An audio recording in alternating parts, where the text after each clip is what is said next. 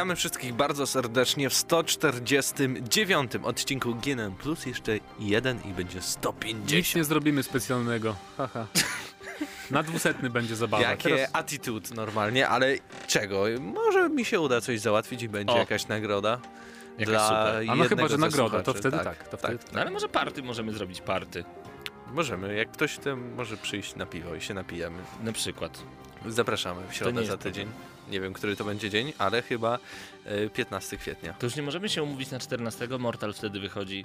I wszyscy się spotkamy, pogramy w Mortala i się napijemy piwa. Ale, Czy ale inaczej zawsze na, nagrywamy w środę, więc po podcaście albo w Dobra. ogóle przyjdźcie na podcast. Zapraszamy serdecznie, ale może już przejdźmy e, do pytania pierwszego. I do tego, że są z wami w ogóle Mateusz Tak. Zdanowicz. Mateusz Widut i, I Paweł Typiak, tak. I w co ostatnio graliście, panowie?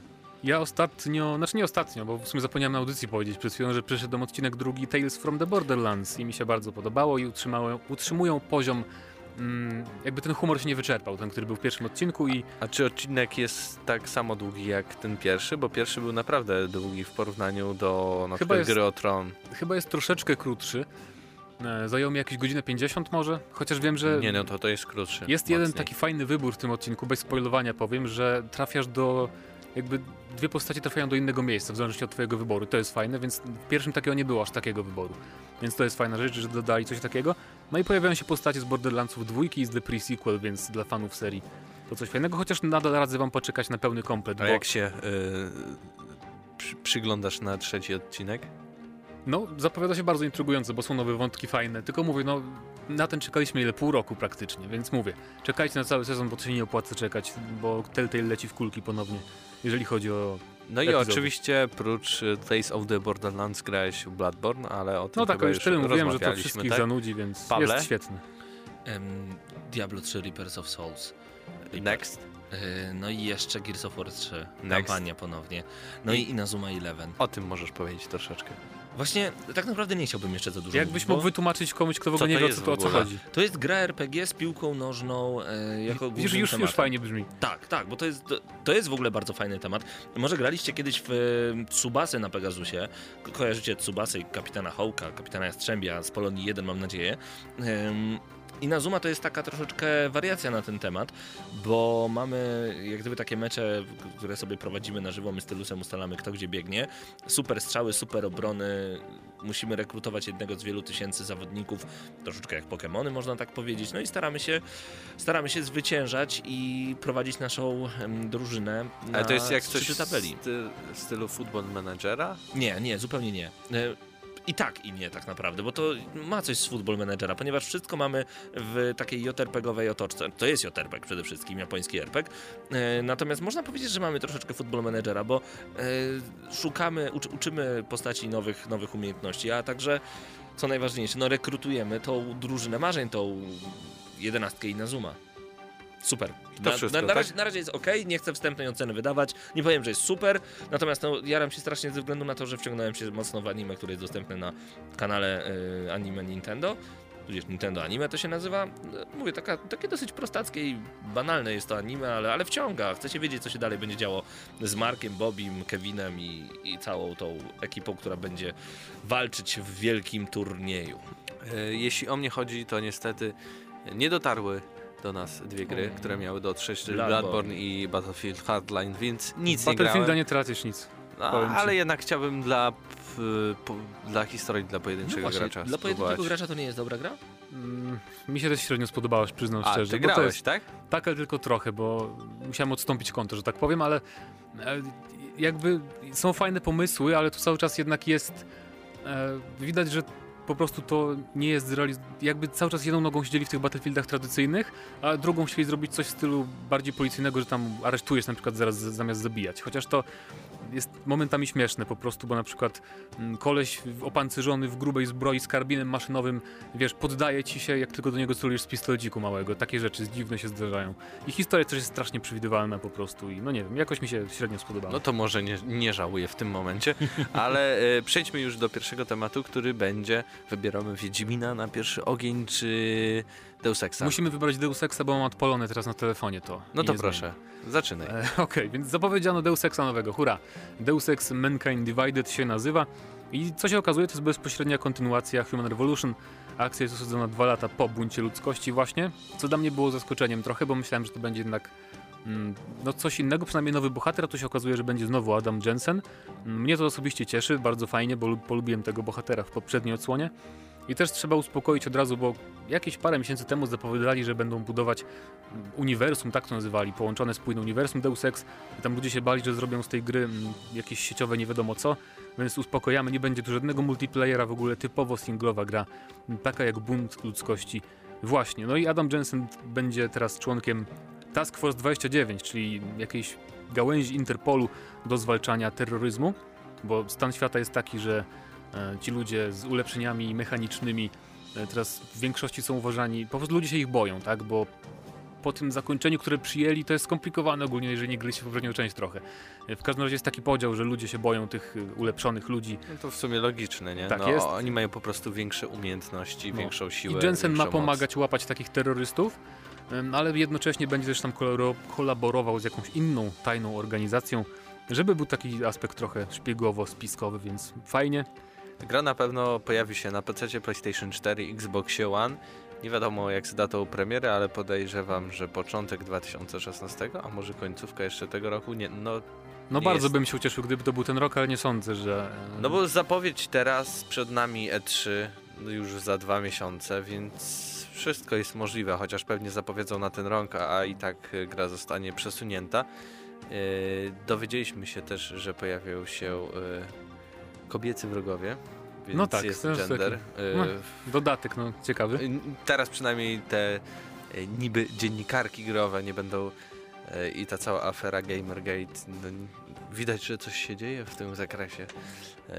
Jest równość i braterstwo w nadchodzących grach Square Enix. Y, Prócz tego oczywiście walki z bossami mają zostać ulepszone. Nie będzie tak, że, mm, że będziemy po, bo głównie w, buncie ludzkości kończyło się na tym, że strzelaliśmy do tego e, bossa, a tym razem będzie tak, że będziemy mogli i, i skradankowo jakby przejść ten Tak, element i to jest gry. właśnie fajne, bo potem ulepszyli to w buncie ludzkości e, w wydaniu rozszerzonym. Tam na przykład było tak, że mogłeś zhakować jakieś pomieszczenie i na przykład sprawić, żeby działko strzelało do bossa zamiast ciebie, wiesz, jak na przykład specjalizowałeś, specjalizowałeś się w hakowaniu, więc takie rzeczy będą. Więc fajna rzecz, chociaż sam nie, nie jestem do końca przekonany, czy do takiej gry w ogóle, czy są potrzebne w ogóle walki z bossami w takiej grze. No ale dobra, jak już będą, to jeżeli będą faktycznie takie ulepszone, to mogą być. Oczywiście potwierdzono, że jeżeli ktoś będzie chciał grać tylko na skradanie się, no to będzie mógł przez całą grę absolutnie y, nie zostać zauważony i przejść na ducha, a będzie też można grać na Rambo, czyli chwycić za karabin i wszystkich bić w twarz pięścią. Prócz tego oczywiście y, ważna informacja, gra będzie tylko dla pojedynczego gracza, nie będzie tu trybu koop, nie będzie trybu wieloosobowego, więc twórcy totalnie się nad tym skupiają i chyba tyle z takich ciekawszych informacji. Nie wiem, coś znalazłeś jeszcze? No znaczy tam przy, przeciekach trochę, Game, no, Game Informer podał na przykład, przy, na przykład przykładowe, dobra, podał przykładowe y, ulepszenia na tych naszych umiejętności bohatera, na przykład będziemy mieli y, strzałki us, usypiające wrogów na odległość, więc to jest taki fajny dodatek dla tych, którzy lubią się skradać. Będzie na przykład umiejętność cichego biegania, czy będzie też, y, bohater będzie w stanie analizować jakby to powiedzieć, stan umysłu bohaterów, czyli ich akurat, y, że tak powiem, to jak się czują w tym Mhm. momencie i to mu ma jakoś pomóc mm, się zachowywać w, w konkretnych sytuacjach, więc takie ciekawe dosyć rzeczy, ciekawe ulepszenia tego kombinezonu. e, Pawle, a ty słyszysz nas? Y, Paweł jeszcze? zasnął, bo. Paweł nie lubi... Nie, to Zasnąłeś? nie, że nie lubię. Nie grałeś w ogóle w Deus grałem, Exa? grałem w Deus Exa, podobało mi się bardzo, natomiast nie jestem jakoś wciągnięty w ten klimat. Po prostu. To nie jest moja rzecz. Nie, nie, nie. Ale czekasz czy nie? Tak, jak się pojawi, okej, zagram, Zobaczymy. tak? No, W dokładnie. ten, w ten sposób. Jak, ambiwalentny mam stosunek. Nie, mi się akurat y, Bunt Ludzkości bardzo podobał, chociaż przyznam się nie skończyłem, bo, bo jakoś tak... Znaczy ja pamiętam, że dałem nawet bardzo wysoką ocenę, 9 na 10 yy, skończyłem. Podobał mi się bardzo. Yy, szczególnie mi się właśnie podobało to, że mogłem albo na Rambo, albo po prostu chować się gdzie chciałem, więc mogłem podzielić troszeczkę tę rozgrywkę. No i ta wizja, wizja świata trafia do mnie, natomiast mimo wszystko yy, to jakoś nie jest moje uniwersum. No, w każdym razie mnie, też cieszy, że nie, nie rezygnują z tej stylistyki takiej bardzo, no dosyć wyjątkowej jednak, że wszystko jest takie złote, złoto-żółte. To mi się podobało w jedynce, bo gra się wyróżniała dzięki temu, więc to zachowują i to jest fajna rzecz. No, czekamy na wasze komentarze. E, Wypowiedzcie się, czy czekacie na podział ludzkości, Mankind, coś tam, coś tam. Roz, E, podzi- rozdziałek. Rozdziałek, tak. E, a my przejdziemy zaraz do następnego tematu, który jeszcze nie będzie Wiedźminem, ale porozmawiamy o innej grze RPG.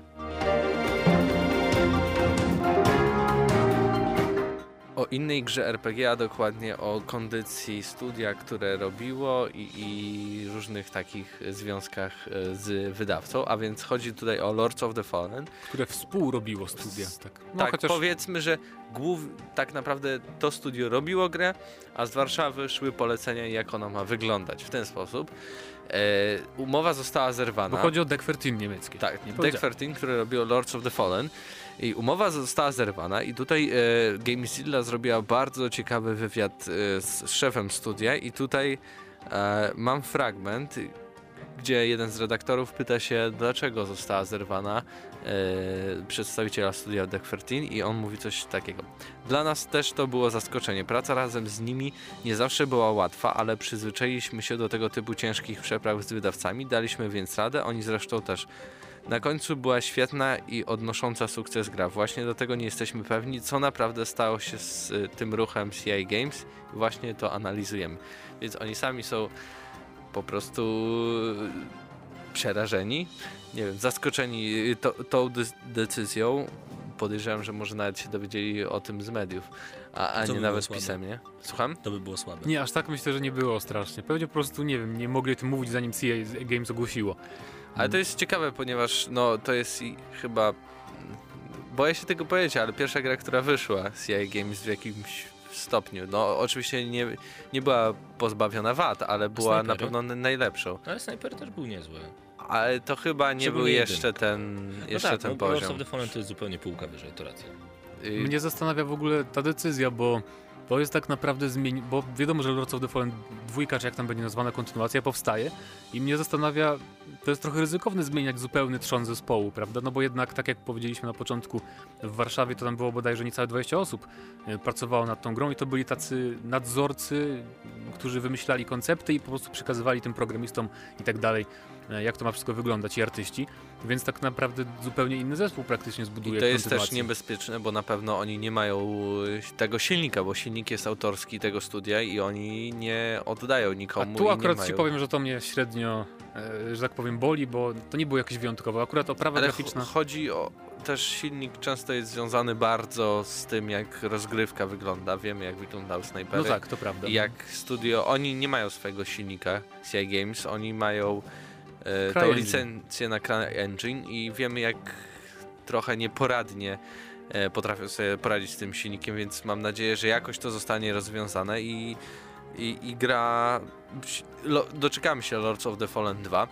Ale to też ciekawa informacja, bo twórcy Deck 13 poniekąd y, w tym wywiadzie również potwierdzili, że pracują nad grą RPG, która będzie prawdopodobnie wyglądała tak jak Lords of the Fallen, ale nie będzie się nazywała Lords of the Fallen. I mniej więcej założenia takiej gry są, podobne i będą. I to jest ciekawe, bo skoro oni mają technologię, to powstanie gra, która będzie wyglądała tak naprawdę jak sequel Lordsów, ale jednocześnie będziemy mieć prawdziwy sequel Lordsów, więc to jest trochę takie dziwne. Trochę tak jak e, Dead Island, które zostało też. e, No właśnie, Taka no właśnie. ciekawostka zostało opóźnione o pół roku. E, I też inne studio robi, nie Polacy, bo Polacy teraz mają własną markę Island, która się dobrze przejdzie. Mam nadzieję, że też zobaczymy wersję drugą. E, Pawle, co o tym myślisz? Mhm. Tak? Zdecydowanie. Powiem ci szczerze, że yy, liczę na Lordsów dwójkę. I to nawet bardzo, bo jedynka mi się bardzo podobała. Ale na jakich lordców? Bardziej od twórców lordców, lordców jedynki, czy od CI Games, które będzie robić dwójkę, ale tak naprawdę, tak naprawdę nie robiło tej jedynki, tylko Mhm. dawało rozkazy, co robić. Właśnie to jest dobre pytanie, bo jeżeli. yy, Bo tak, Tomek Gob został cały czas w CA Games, prawda? Tak. Więc yy, można powiedzieć, że to on yy, zawiadywał tym wszystkim, co się dzieje przy okazji Lords of the Fallen. Nie chcę użyć takiego sformułowania, że Deck 13 było tylko narzędziem w rękach, A bo no, na ale pewno w nie teorii byli. tak było, w No, praktyce znaczy. Dokładnie, oni mieli zlecane różne rzeczy do zrobienia, tak naprawdę... bo pomysły były jednak CI Games, więc to Dokładnie, trzeba podkreślić. więc, więc czekam na tych, którzy nie tę grę wykonali, ale na, te, które, na tych, które, którzy To miejmy wymyślili. nadzieję, że CI Games znajdzie taki zespół albo stworzy taki zespół, który sobie poradzi z wykonywaniem rozkazów. No tak, no tak, no bo tak naprawdę y, na tym to polega Ready at Dawn, kiedy robiło The Order. Przecież y, też mieli, można tak powiedzieć, dużo rzeczy zleconych przez Sony, bo to Sony... Santa Monica zresztą. Tak, Sony, gdyby nie Sony nie powstałaby ta gra, to, to na pewno nie byłoby na to, na to pieniędzy. Ta gra wygląda tak, jak wygląda właśnie dzięki temu, albo przez to właśnie, że Sony miało tak dużo do powiedzenia e, przy okazji The Order. Wydaje mi się, że gdyby Ready at Dawn miało więcej czasu na przykład, The Order wyglądałoby zupełnie inaczej. Natomiast e, jeżeli chodzi o Lordsów, no to dwójka zdecydowanie od CI Games. I tak jak powiedziałeś, ja mam nadzieję, że to będzie technologicznie poziom lepszy niż pierwsi, pierwsza część, ale nie taki jak Sniper. No, miejmy nadzieję. Wypowiadajcie się w komentarzach, a my zaraz przejdziemy już do ostatniego tematu, który będzie związany z Wiedźminem 3.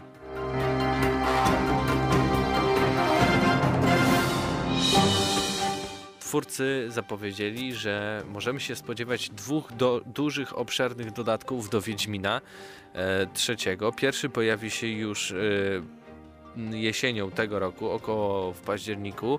Mm, Zaoferuje nam podobno 10 godzin, do 10 godzin rozgrywki. Będzie to dodatek, który nie wprowadzi żadnej nowej krainy czy czegoś takiego, po prostu będą zadania e, i będziemy Tak, mogli będzie Oxenfurt i Ziemie Niczyje, więc to są też lokacje, które pojawią się w podstawce. Ten dodatek nazywa się E, Serce z kamienia. Serce z kamienia.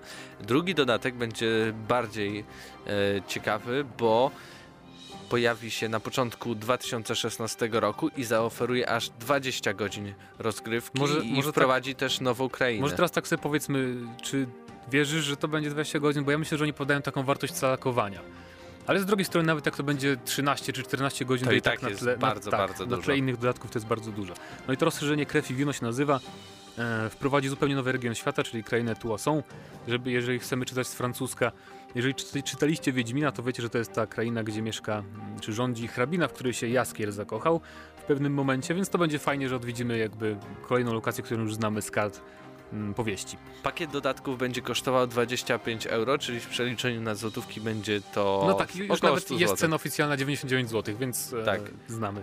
I ogólnie zapowiada się świetny deal i mamy tutaj dodatki, które tak naprawdę można już nazwać dodatkami, a nie e, kolejny zestaw skórek, e, jakichś pomniejszych e, zadań, które są tak naprawdę DLC, bo w sumie tłumacząc DLC na polski to jest zawartość Do pobrania. do Czyli to, to, jest, pobrania. to jest tak skrom- Rozszerzona Tak. zawartość do pobrania. I DLC to jest dodatki bardzo taka skromna nazwa do właśnie do dużego dodatku, nie pasuje troszkę. A to jest prawdziwy taki expansion e, pack, który, który rozwija tę grę I, ja tutaj na myśl mi przychodzi na przykład Noc Kruka do Go- Gothica 2, który był właśnie takim, takim wielkim dodatkiem dającym e, no dużo, dużo, e, dużo historii, w którą, No tak, którą tak. mogliśmy Takie właśnie zagrać. były dodatki do starych RPGów, do Obliviona, do Morrowinda. E, też były właśnie takie dodatki, które zajmowały kilkanaście godzin i to, to jest fajna rzecz i takie dodatki pasują jak najbardziej do RPGów. Chociaż nie mówię, że mniejsze nie pasują, bo te 16 darmowych dodatków, które mają być, to tam też mają być dodatkowe misje, tylko no wiadomo, to będą jakieś pojedyncze tam zadania i to nie będzie nic dużego. E, I CD Projekt Red zresztą już dawno temu podkreślało, że, bo niektórzy im zarzucają, "A, że mówiliście, że jesteście przeciwko płatnym dodatkom. To jest nieprawda, bo zaznaczali, że oni są przeciwko płatnym DLC, a dla nich DLC to są właśnie te, nazwijmy to popierdółki małe. I że nawet zaznaczali parę miesięcy temu, że jeżeli wydadzą duży dodatek, to będzie na pewno płatny. No i też cie- ciekawe, ciekawa opinia samego e, sz- szefa studia, który mówi, że e, jeśli nie jesteście pewni, czy zainwestować w taki pakiet, to poczekajcie. Dziennikarze zrecenzują, możecie obejrzyjcie filmiki w internecie i wtedy kupicie. Czegoś takiego też nieczęsto da się usłyszeć tak. e, z ust twórców gier, naprawdę. I właśnie z jednej strony to jest e, taka wypowiedź, pewnie niektórzy się odezwą, ale tak gadają tylko pod publiczkę, PR-owe Tylko, gadanie. że oni tak robią, to co mówią. No właśnie, ale nie, chodzi mi też o to, że no tak, to jest PR-owe gadanie z jednej strony, ale z drugiej strony na przykład EA czy Activision tak nie robią, nie, nie mówią tak.